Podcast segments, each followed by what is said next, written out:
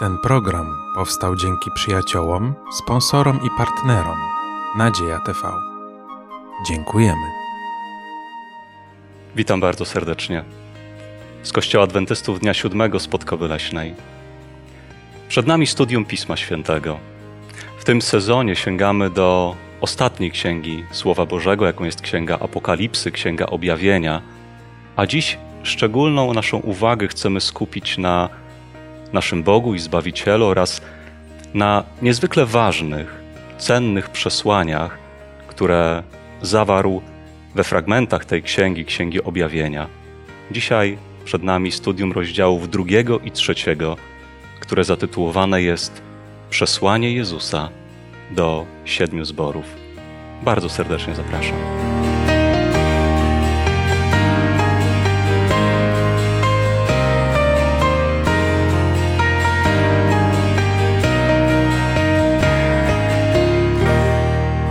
Wraz ze mną w studium Pisma Świętego dzisiaj biorą udział Małgorzata, Piotr Dzień dobry. oraz Mateusz.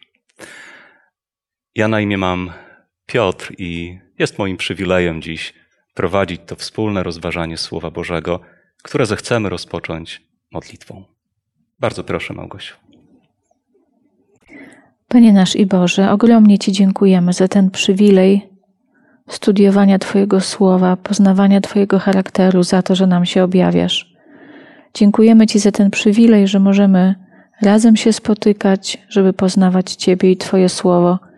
I bardzo Cię prosimy, bądź z nami tutaj przez swojego Ducha Świętego i to Ty prowadź nas i prowadź wszystkich, którzy będą słuchali tego studium.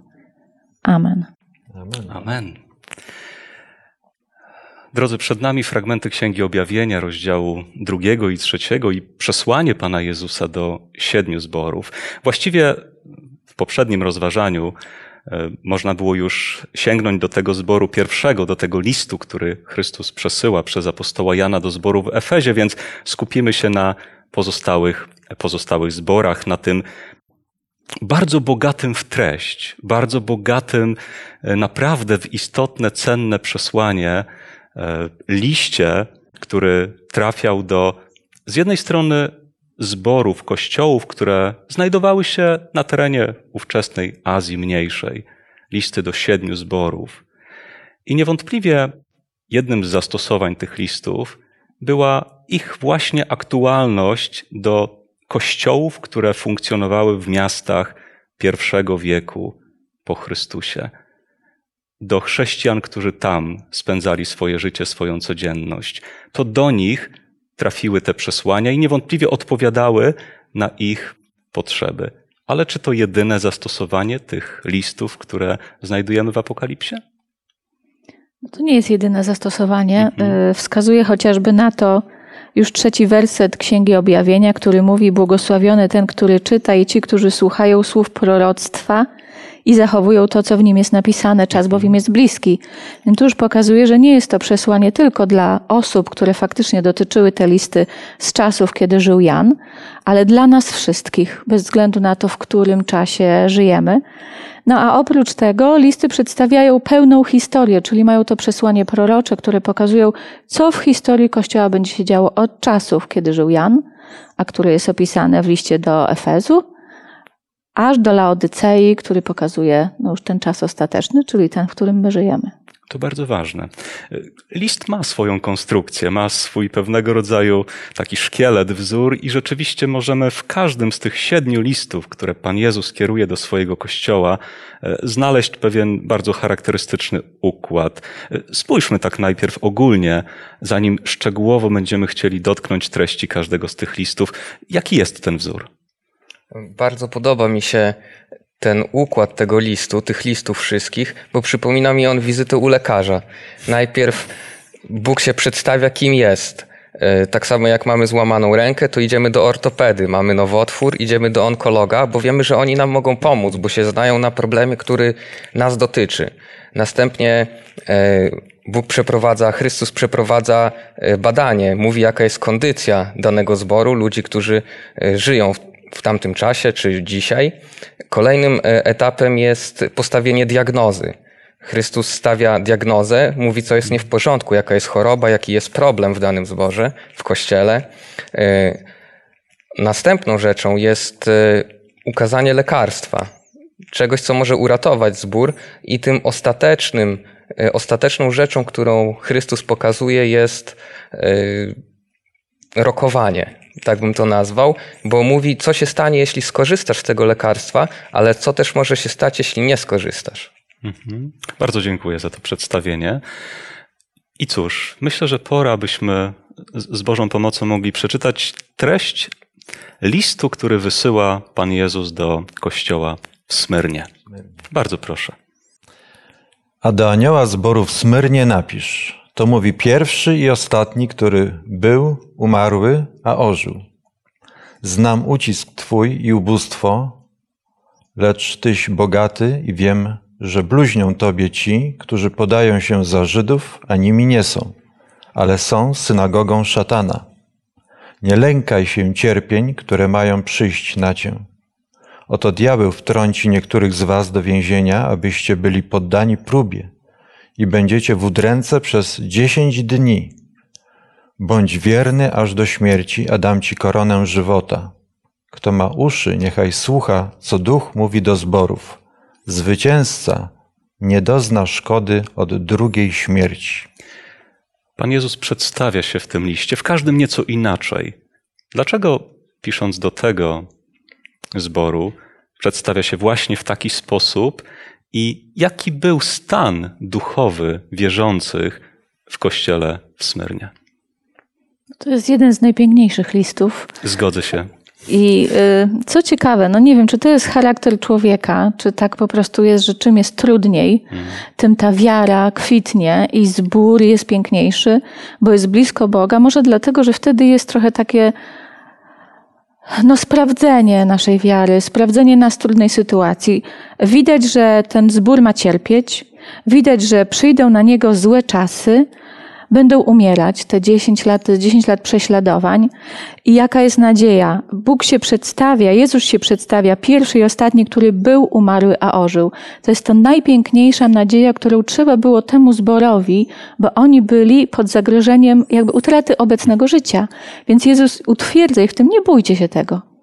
Ja ożyłem i wy ożyjecie. Te prorocze 10 dni, o których tutaj czytamy, odnosi się do 10 lat ucisku, jaki był za cesarza Dioklecjana. Jezus tutaj wcale nie daje obietnicy, że wszyscy przeżyją ten okres. Wręcz przeciwnie, że zwycięzcy da koronę żywota, więc takiemu, który zachowa wiarę, nie tyle swoje życie, ale swoją wiarę do końca. I jeszcze taka obietnica, że zwycięzca nie dozna szkody od drugiej śmierci, a więc nie obiecuje, że wierzący przeżyje ten czas ucisku. Najgorszą rzeczą będzie ta druga śmierć, śmierć ostateczna, której zwycięzca nie dozna. Sytuacja w tym mieście, w Smyrnie, nie była łatwa dla chrześcijan. Było to duże miasto i miasto, w którym bardzo rozwinięty był, zresztą jak w wielu miejscach w tamtym czasie, kult rzymskich cesarzy między innymi wielka świątynia w tym mieście, gdzie niemal obowiązkiem każdego obywatela było raz w roku przyjść, spalić kadzidło przed posągiem cesarza i wyznać, że Cezar jest Panem. Wierzący, którzy kochali Jezusa Chrystusa jako prawdziwego, żywego Boga, chcąc być Mu wiernymi, Jemu jedynie oddawać tą cześć należną jako Bogu, pozostając mu wierni, absolutnie nie czynili tego, co powszechnie wiele osób czyniło. Ale to bardzo często wypychało wierzących poza margines, zagrożeniem utraty możliwości funkcjonowania w społeczeństwie, zarabiania pewnych środków, a często właśnie prześladowania i śmierci. O tym już mówiliśmy. I rzeczywiście Pan Jezus przedstawia się również jako ten, który pokonał śmierć i w tym rzeczywiście jest ogromna nadzieja dla tych, którzy, którzy cierpią. Jaką radę z ust Chrystusa odbiera ten Kościół? Znowu nawiązanie do śmierci. Bo jest rada, bądź wierny aż do śmierci, a dam ci koronę żywota.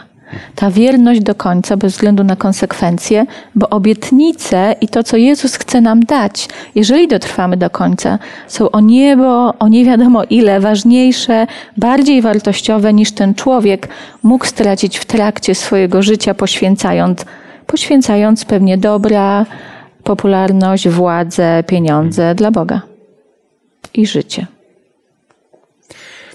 Może przy tej okazji każdym liście pojawia się na początku tego listu, gdy Chrystus zaczyna przemawiać do wierzących, właściwie stwierdzenie, które, tak jak powiedziałem, pojawia się w każdym z tych listów. Chrystus zaczyna takimi słowami: Znam albo wiem. I za chwilkę pojawia się to, co on wie o tym kościele. I to, co wie, jest najpewniejsze, jest prawdziwe, jest właściwą oceną sytuacji tego kościoła, ale daje mnie też taką pewność, że Bóg bardzo dobrze zna swoje dzieci. Bóg bardzo dobrze zna swój kościół. Czy wierzący, choćby w tym kościele w Smyrnie, biorąc pod uwagę trudy, których doświadczali, mogli czasami czuć się jako ludzie. Uczucia ludzkie potrafią być różne. Czuć się może zapomniani przez Pana Boga, może opuszczeni. Może te trudy wydawały się czasem zbyt wielkie, prawda? I co Bóg mówi do nich? Znam, wiem, pamiętam, rozumiem.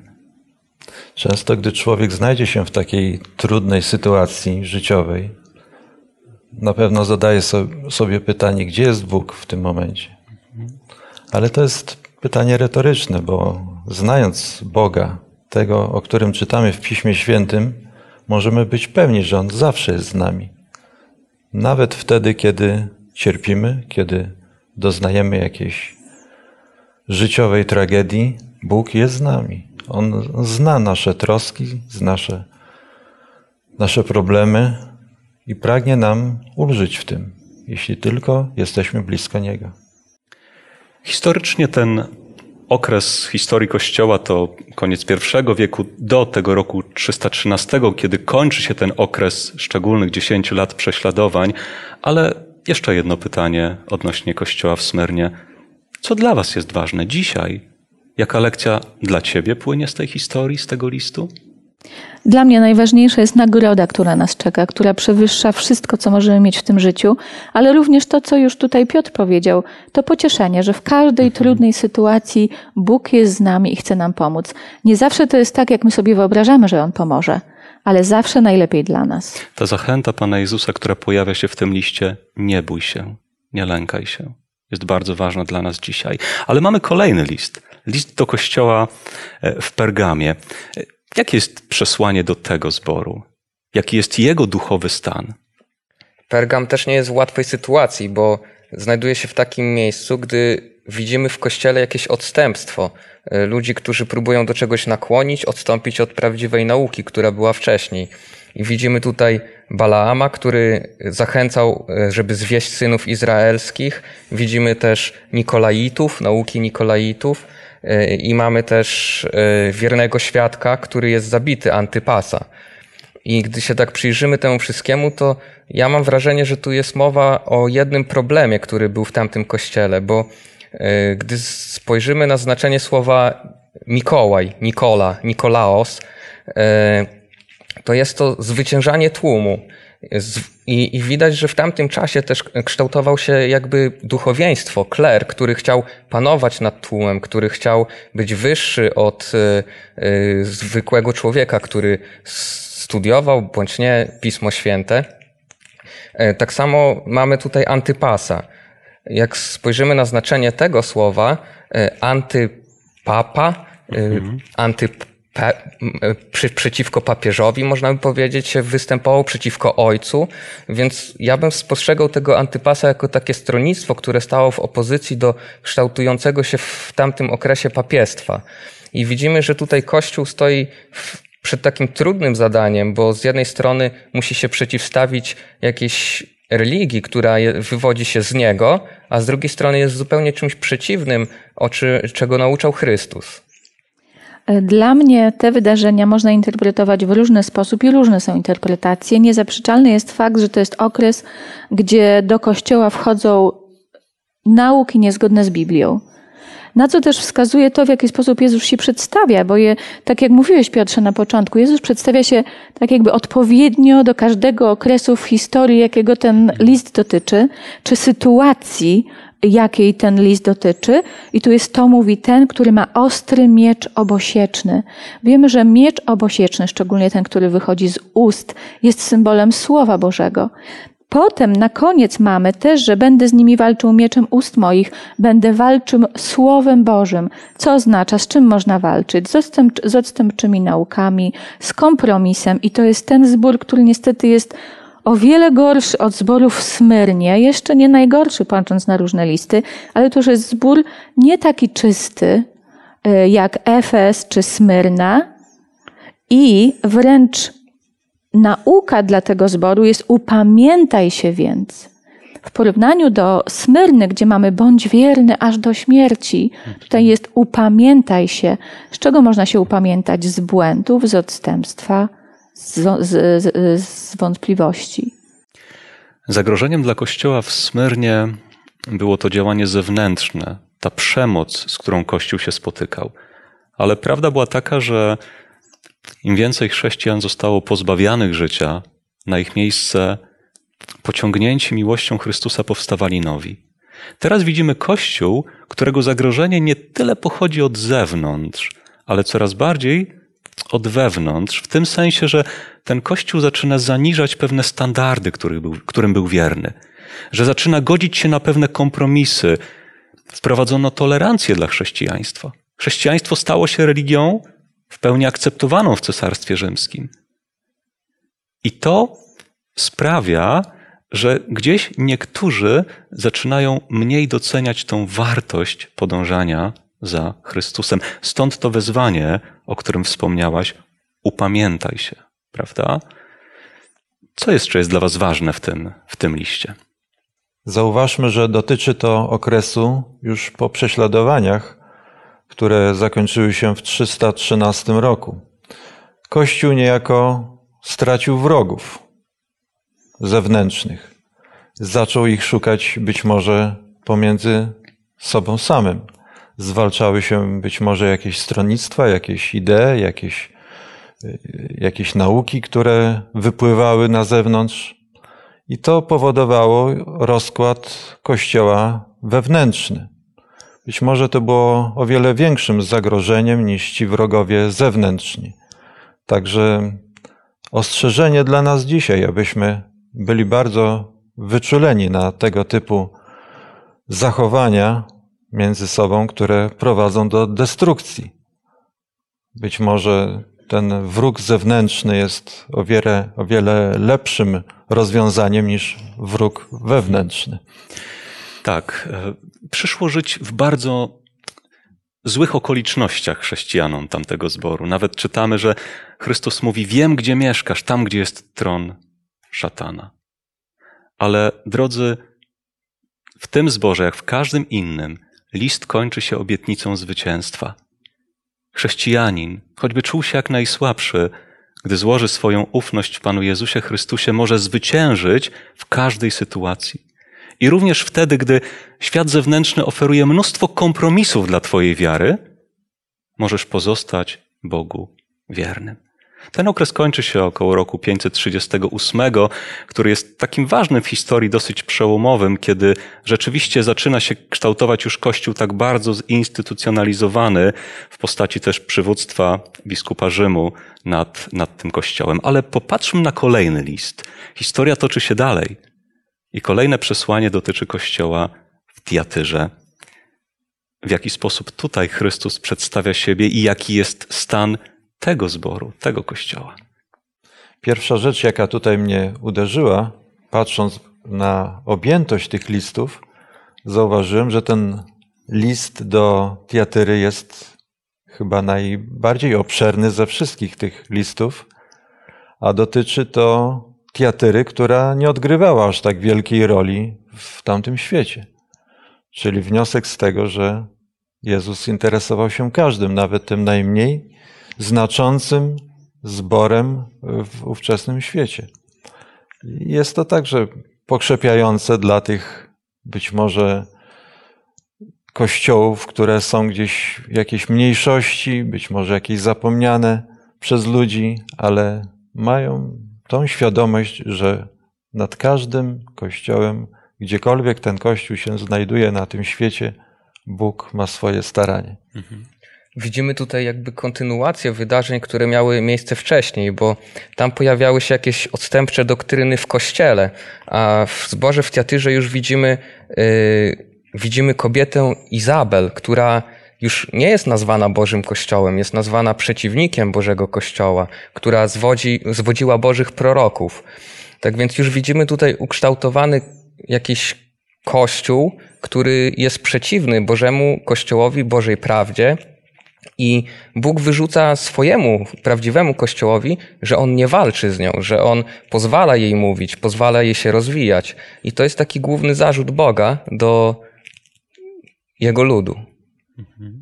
Czy ten list w Tiatyrze jest taki jednocześnie negatywny, bo faktycznie tam się dzieje bardzo dużo złego i skoro to wszeteczeństwo zapanowało, to wskazuje, że to jest kościół odstępczy, ale z drugiej strony on się zaczyna bardzo pięknie, bo Jezus mówi, znam uczynki Twoje i miłość, i wiarę, i służbę, i wytrwałość Twoją i wiem, że ostatnich uczynków Twoich jest więcej niż pierwszych.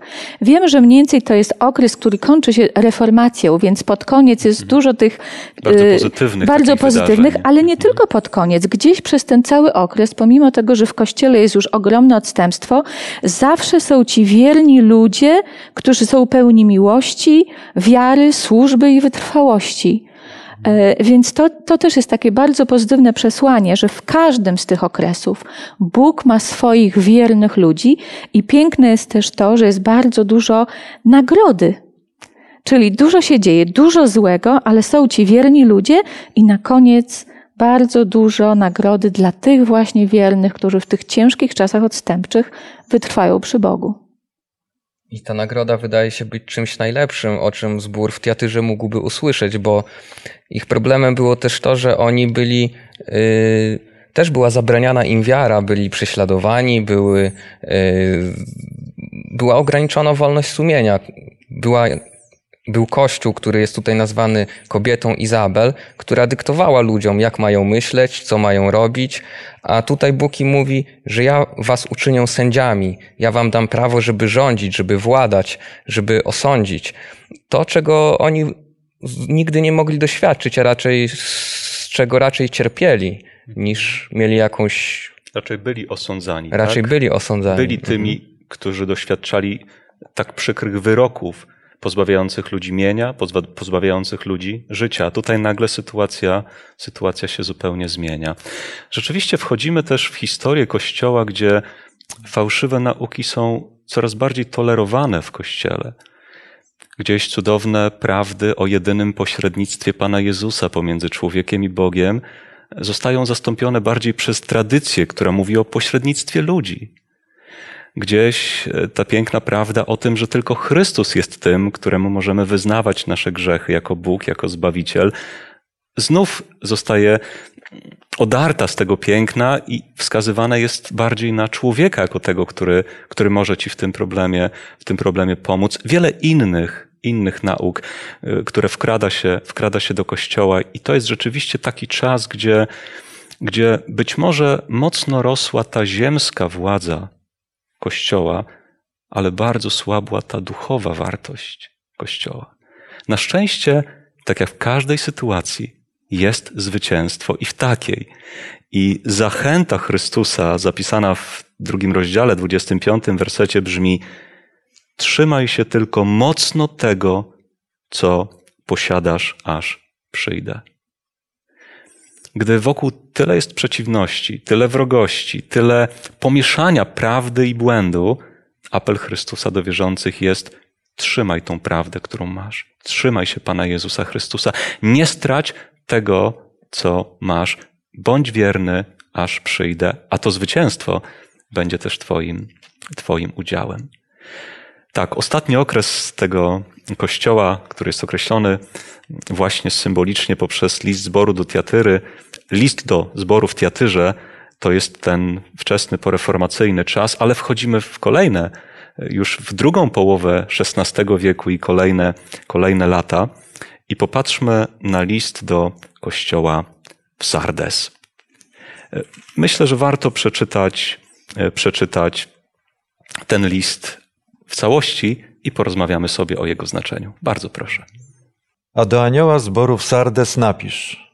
To mówi ten, który ma siedem duchów bożych i siedem gwiazd. Znam uczynki Twoje. Masz imię, że żyjesz, a jesteś umarły. Bądź czujny i utwierdź, co jeszcze pozostało, a co bliskie jest śmierci. Nie stwierdziłem bowiem, że uczynki Twoje są doskonałe przed moim Bogiem. Pamiętaj więc, czego się nauczyłeś i co usłyszałeś, i strzeż tego, i upamiętaj się.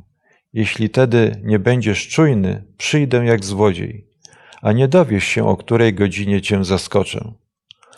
Lecz masz w Sardes kilka osób, które nie skalały swoich szat, więc chodzić będą ze mną w szatach białych, dlatego że są godni. Zwycięzca zostanie przeobleczony w szaty białe i nie wymarzę imienia Jego z księgi żywota i wyznam imię Jego przed moim Ojcem i przed Jego aniołami. Kto ma uszy, niechaj słucha, co Duch mówi do zborów. Jaki obraz chrześcijaństwa mamy przedstawiony w tym fragmencie? No niestety nie za ciekawy, bo samo określenie masz imię, że żyjesz, a jesteś umarły jest chyba jednym z najgorszych określeń, jeżeli chodzi o listy do zborów.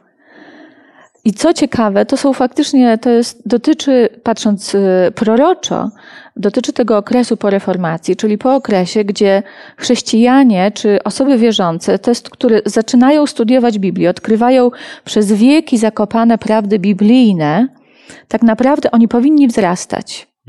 A gdzieś coś się stało, że pomimo tego, że uważają, że są blisko Boga i że żyją, to jednak są umarli. Gdzieś zaprzestali pewnego działania, żeby być coraz bliżej Boga. Dla mnie to jest niezwykle ważne przesłanie dla każdego z nas osobiście, że w drodze do Boga, w drodze wzrastania w wierze, nie ma takiego momentu, kiedy możemy się zatrzymać. Widzimy Kościół, który popada w duchowy letarg. Bóg jest Bogiem żywym, którego możemy doświadczać.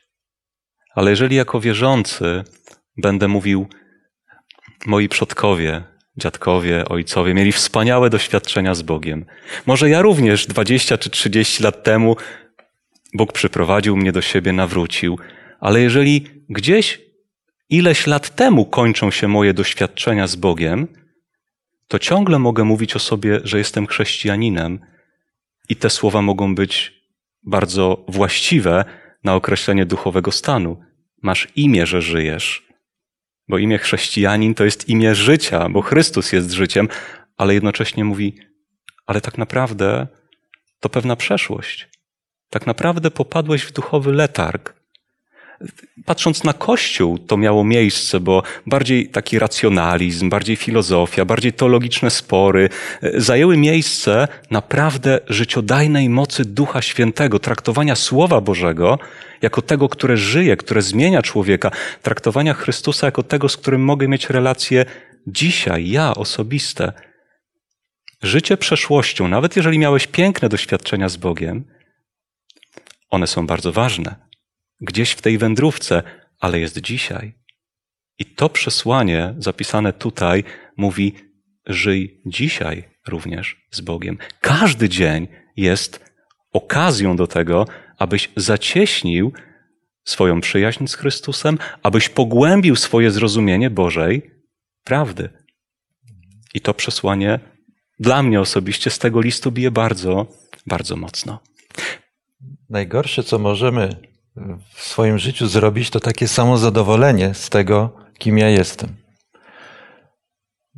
Porównując siebie też z innymi ludźmi, często popadamy w taką pułapkę właśnie takiego samouwielbienia, że jestem kimś lepszym, na wyższym poziomie, bo znam lepiej Słowo Boże, ale to się nie odnosi do mojego codziennego życia. które może być wręcz przeciwieństwem tego, co ja poznałem o Jezusie. Przed nami ostatnie dwa listy, bardzo ciekawe. Listy do Filadelfii. Co jest treścią tego listu, drodzy? No to jest z kolei list najpiękniejszy, przynajmniej dla mnie. Y, widać, że wierzący dostają szansę i ją wykorzystują. Dostają narzędzia, dostają drogę i z tego korzystają i wzrastają. Jezus daje im, otwiera, przepraszam, przed nimi drzwi. Sprawia, że te drzwi są otwarte, których nikt nie może zamknąć. I ten zbór, ten kościół, ci ludzie, pomimo tego, że ma niewielką moc, zachowują słowo i nie zapierają się imienia Jezusa. Korzystają z tych otwartych drzwi, robią swoją, można powiedzieć, pracę odkrywania, poznawania tych prawd, które Jezus daje im do odkrycia. To określa czasy tej tego ożywienia religijnego w XIX wieku, gdzie faktycznie kolejne, to co Sardes przespał, mhm. to co Sardes zapomniał, nic już nie robił, letarg przez ileś lat, to Filadelfia wróciła do tego i zaczęła odkrywać proroctwa, to studium Księgi Daniela, właśnie Księgi Objawienia, nauka o świątyni, to są o, przede wszystkim o powtórnym przyjściu Jezusa. To są te prawdy, które w tym czasie na nasze szczęście, bo my możemy z tego korzystać, zostały odkryte mocą Bożą, bo ludzie nie mieli mocy. Tak, ludzie Kościół budził się z tego letargu, moc. tak? XVIII, XIX wiek, wiele takich ożywieniowych, przebudzeniowych, e, znów reformacyjnych e, ruchów, które sprawiły, że rzeczywiście bardzo pozytywnie jest określony ten zbór, prawda? Filadelfia znaczy braterska miłość i tą braterską miłość też było widać wśród tych ludzi, którzy żyli w tym okresie. Mm, Pan Bóg przedstawia się tutaj jako ten, który ma klucz Dawida i on dał ten klucz dla tych ludzi. Zrozumienie proroctw, które wcześniej były niezrozumiałe, sprawia, że serca tych ludzi stają się ożywione i na całym świecie zaczyna być głoszona nowina o tym, że Chrystus wkrótce przyjdzie na ziemię. Nowina potem zaczyna się przeradzać w nowinę o sądzie, o tym, że Chrystus jest naszym sędzią, bo widzimy tutaj, że są drzwi otwarte i te drzwi otwarte są w moim przekonaniu niczym innym jak y, tym wydarzeniem, które nastąpiło, gdy Chrystus wszedł do miejsca Najświętszego i stał się naszym sędzią i chce pracować nad naszymi sercami, nad naszymi życiami, abyśmy, nad naszymi charakterami. I widzimy tutaj niesamowite, że ten, coś niesamowitego, że ten zbór staje się, nie ma, nie ma żadnej nagany, nie ma żadnej nagany, a są u niego tylko pochwały, mimo to, że jak Chrystus określa, ma niewielką moc nie tylko e, to jest na pewno tym powodem e, samej pochwały, ale również ta wewnętrzna postawa tego kościoła, prawda? Szczególnie werset dziesiąty trzeciego rozdziału. Ponieważ zachowałeś nakaz mój, by przy mnie wytrwać, przeto ja zachowam cię w godzinie próby, jaka przyjdzie na cały świat, by doświadczyć mieszkańców ziemi. I później przyjdę rychło, trzymaj co masz, aby nikt nie wziął korony twojej. A więc Widać tutaj taką determinację wierzących. Wytrwać przy Chrystusie. Chrystus, chwaląc ten Kościół, mówi: Zachowałeś mój nakaz, aby przy mnie wytrwać. Ponieważ podjąłeś taką decyzję, może masz mało siły, ale podjąłeś taką decyzję. Drodzy, my, kiedy przychodzimy do Pana Boga, to nie możemy mówić jak apostoł Piotr: Ja nigdy się Ciebie nie zaprę, ja jestem taki samowystarczalny. Ale możemy powiedzieć: Panie, Mam mało siły, ale wybieram Ciebie, a Ty mi daj siły. Ponieważ ten Kościół pokazuje, że moc Boża objawia się w słabości człowieka. I tu mamy wierzących, którzy trwają przy Chrystusie, pomimo swoich słabości, bo tak bardzo zaufali temu, że jest Bóg, który ma moc dać im tyle siły, ile potrzeba w doświadczeniach, w próbach, w trudnościach, które przychodzą na cały świat. I to jest ważne przesłanie również dziś dla nas? Niewątpliwie bardzo ważne i potrzebne. Mamy jeszcze ostatni list. Ostatni list dotyczy kościoła w Laodycei, czyli ludu sądu, tak? Rzeczywiście doszliśmy do tego momentu roku 1844, zgodnie z proroctwem Księgi Daniela, kiedy w niebiańskiej świątyni rozpoczyna się ten czas sądu, poprzedzający bezpośrednio powrót Jezusa Chrystusa. I w tym czasie na ziemi jest Boży Kościół. A jaka jest jego generalna charakterystyka? Najbardziej znanym tutaj określeniem jest ta letniość. Jest taka zadziwiająca amplituda. Tak studiowaliśmy te wszystkie listy dotychczas do, kierowane do tych zborów, no i zauważamy, że każdy charakteryzuje się albo jakimś wzlotem, albo upadkiem. I tutaj znowu dochodzimy do takiej jakby stagnacji, jakby jakiegoś takiego poprzestania na tym, co osiągnęli nasi poprzednicy. I znowu nie ma jakiejś takiej żywej łączności z Jezusem Chrystusem, który, który powinien być na czołowym miejscu w naszym życiu. Czy dla mnie najgorsze w tym zborze jest to, że to jest jedyny zbór, który jest tak bardzo dumny i tak bardzo przekonany o swoim wspaniałym stanie yy, i że nam niczego nie potrzeba. Czyli doszliśmy do pewnego poziomu poznania prawd, poznania Boga i już jesteśmy najlepsi i niczego nam nie brakuje. Bo bez względu na to, w jakim jesteśmy stanie, czy w jakim stanie te zbory historycznie były, e, czy ktokolwiek z nas, to chyba najgorszy jest stan, kiedy sobie kompletnie nie zdajemy z tego, jaki on jest. A patrząc na zbór w Laodycei, ta letniość niestety doprowadza do tego, że my zupełnie sobie jakby nie wiemy, nie uświadamiamy. E, stan jest no, koszmarny, bo w oryginale tu wręcz jest takie określenie, nawet nie wypluje cię z ust moich, tak jak tu w szesnastym wersecie, tylko zwymiotuje cię. Jak ten stan musi być straszny, że Bóg takich słów używa? I znowu, tu nie chodzi o to, jak jesteśmy grzeszni, jak daleko jesteśmy od prawd, ile prawd biblijnych odkryliśmy czy nie, tylko że sobie kompletnie nie zdajemy sprawy ze stanu, a uważamy, że jest fantastycznie na szczęście, jak w każdym liście, Jezus daje lekarstwo. I to dla Laodycei bardzo, bardzo konkretne trzy lekarstwa. To może porozmawiajmy o tym zapisanym przez Pana Jezusa lekarstwie, o tej radzie, bo rzeczywiście piękne jest w to w Panu, to w Panu Bogu, że On nie tyle zwraca uwagę na problem, oczywiście zwraca, bo człowiek powinien też go zrozumieć, ale główna uwaga Pana Boga jest zawsze skupiona na rozwiązaniu problemu jaka propozycja od Stwórcy jest skierowana do tego kościoła? Y, siedemnasty werset. Bogaty jestem i wzbogaciłem się. Niczego nie potrzebuję. A nie wiesz, żeś pożałowania godzien, nędzarz, biedak, ślepy i goły. Jezus radzi. Radzę ci, abyś nabył u mnie złota w ogniu, w ogniu wypróbowanego. Czyli nie to, co zbór laodycejski cenił najbardziej, czyli jakieś dobra materialne, ale to, to bogactwo w Bogu powinno być największym skarbem, jaki powinniśmy pielęgnować y, w swoim życiu. Jakie jeszcze inne rady?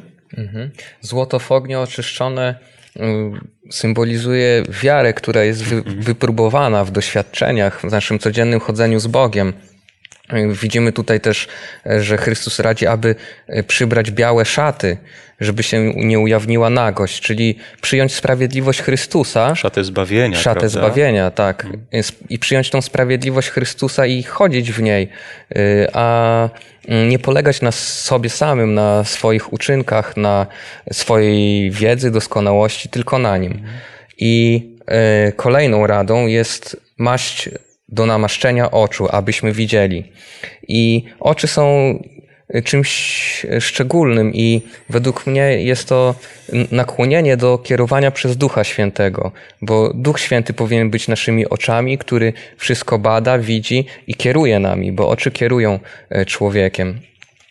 Tak więc widzimy, że Chrystus ma tu konkretną radę, konkretne lekarstwo, ale najbardziej tragiczne jest to, że gdy Laodycejczyk patrzy na siebie, to on widzi, że tego lekarstwa nie potrzebuje. Hmm.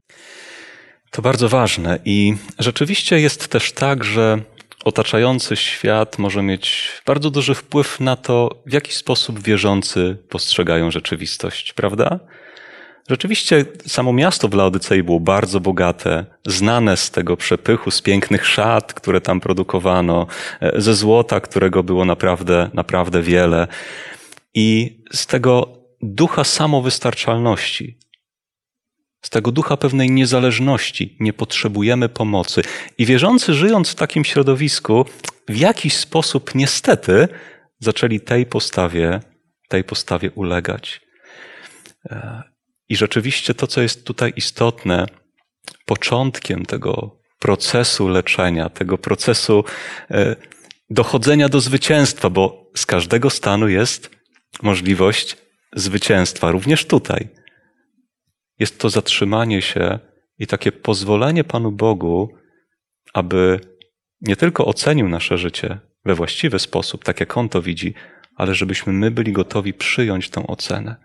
Ona nie jest łatwa, to nie jest łatwa diagnoza, która mówi wierzącemu: Jesteś biedny, nie masz właściwie nic, a wydaje ci się, że masz tak dużo. Ale drodzy, przyjęcie tej diagnozy jest szansą na to, żeby może upaść przed Bogiem na kolana i powiedzieć: Panie, to prawda, ale przychodzę, żeby wziąć te wszystkie dary, które mi dajesz, i przez wiarę je przyjmuję. A zwycięzca? A zwycięzcy pozwolę zasiąść ze mną na moim tronie, jak i ja zwyciężyłem i zasiadłem wraz z Ojcem moim na Jego tronie. Hmm. Tak sobie myślę, jak się czuł apostoł Jan pisząc te słowa. Bo przypomina mi się historia, gdy raz, e, to wprawdzie jego matka, ale za namową również Jana, jego brata Jakuba, podeszła do Pana Jezusa z taką prośbą: Panie, pozwól, żeby ci moi dwaj synowie siedzieli jeden po prawicy, a drugi po lewicy Twojej. To była bardzo wygórowana prośba, pozostali apostołowie się oburzyli. A teraz Jan słyszy: Zwycięzcy pozwolę zasiąść, mówi Jezus, gdzie? Nie z lewej czy z prawej strony mojego tronu. Zwycięzcy pozwolę zasiąść ze mną na moim tronie. Tak jak i ja odniosłem zwycięstwo, tak jak, tak jak i ja zwyciężyłem. Drodzy, zwycięstwo jest możliwe tylko dlatego, że w naszym życiu jest zwycięzca, którym jest Jezus Chrystus. To dlatego najważniejsze wezwanie, jakie jest skierowane do tego Kościoła, a tak naprawdę do Kościoła na przestrzeni każdego wieku, a patrząc dzisiaj do człowieka, który chce w swoim życiu Boga widzieć na ważnym miejscu. To najważniejsze przesłanie jest zapisane w wersecie 20. Przeczytajmy na koniec jeszcze te słowa. Oto stoję u drzwi i kołaczę. Jeśli ktoś usłyszy głos mój i otworzy drzwi, wstąpię do niego i będę z nim wieczerzał, a on ze mną. Kiedy Pan Jezus patrzy na życie człowieka, to zawsze może powiedzieć: Znam, wiem, rozumiem. Wiem, w jakim miejscu swojego życia jesteś, wiem, co przeżywasz. Być może opis tego różnorodnego stanu Kościoła na przestrzeni dziejów, jeden jest bliższy Twojemu doświadczeniu dzisiaj, temu, co przeżywasz, temu, w jakiej chwili swojej wędrówki z Bogiem jesteś. Może jest to wspaniały czas, kiedy jesteś tak blisko Niego, a może czas jakiegoś duchowego letargu, odejścia od Jego prawdy, może tego samozadowolenia, o którym czytamy. Chrystus przygotował dla każdego z nas dar zwycięstwa, dar pokonania wszelkich słabości, dar, który zaprowadzić nas może do Królestwa Bożego. Ale aby tak się stało, tak ważne jest, aby to pukanie Jezusa Chrystusa, o którym czytamy w tych słowach, nie tylko zostało usłyszane przez nas, ale żeby naprawdę drzwi naszego serca tak bardzo otworzyły się dla Niego. Bo największą tragedią człowieka jest, gdy Bóg stoi na zewnątrz jego życia, ale największym przeżyciem, szczęściem, nie tylko tutaj, teraz, ale i w wieczności jest to, gdy Bóg jest naprawdę w moim i Twoim życiu, czego dziękując za Wasz udział, drodzy, również za Wasze wspaniałe myśli, które wyraziliście podczas tego studium, pragnę Wam i wszystkim, którzy oglądają również to studium, życzyć. Zechciejmy w modlitwie przede wszystkim podziękować Panu Bogu. Nasz wspaniały Panie Boże, z całego serca dziękujemy Tobie za te listy, które skierowałeś również i do nas. Dziękujemy Ci za te rady, napomnienia, za, to, za tą Twoją troskę płynącą z tych słów. Dziękujemy Ci za każdą myśl, która jest tam zawarta. Spraw, abyśmy nabyli tej maści na nasze oczy, abyśmy zrozumieli, w jakim stanie się znajdujemy. Pobłogosław nas, pobłogosław tych wszystkich, którzy śledzą to studium Słowa Bożego. Prosimy Cię o to wszystko przez imię Jezusa. Amen. Amen. Dziękując za Wasz udział, drodzy, również w tym studium Słowa Bożego, serdecznie zapraszam na studium kolejnego tematu, które zatytułowane jest Godzien jest baranek, a studiować będziemy fragmenty czwartego i piątego rozdziału Księgi Objawienia. Serdecznie zapraszam.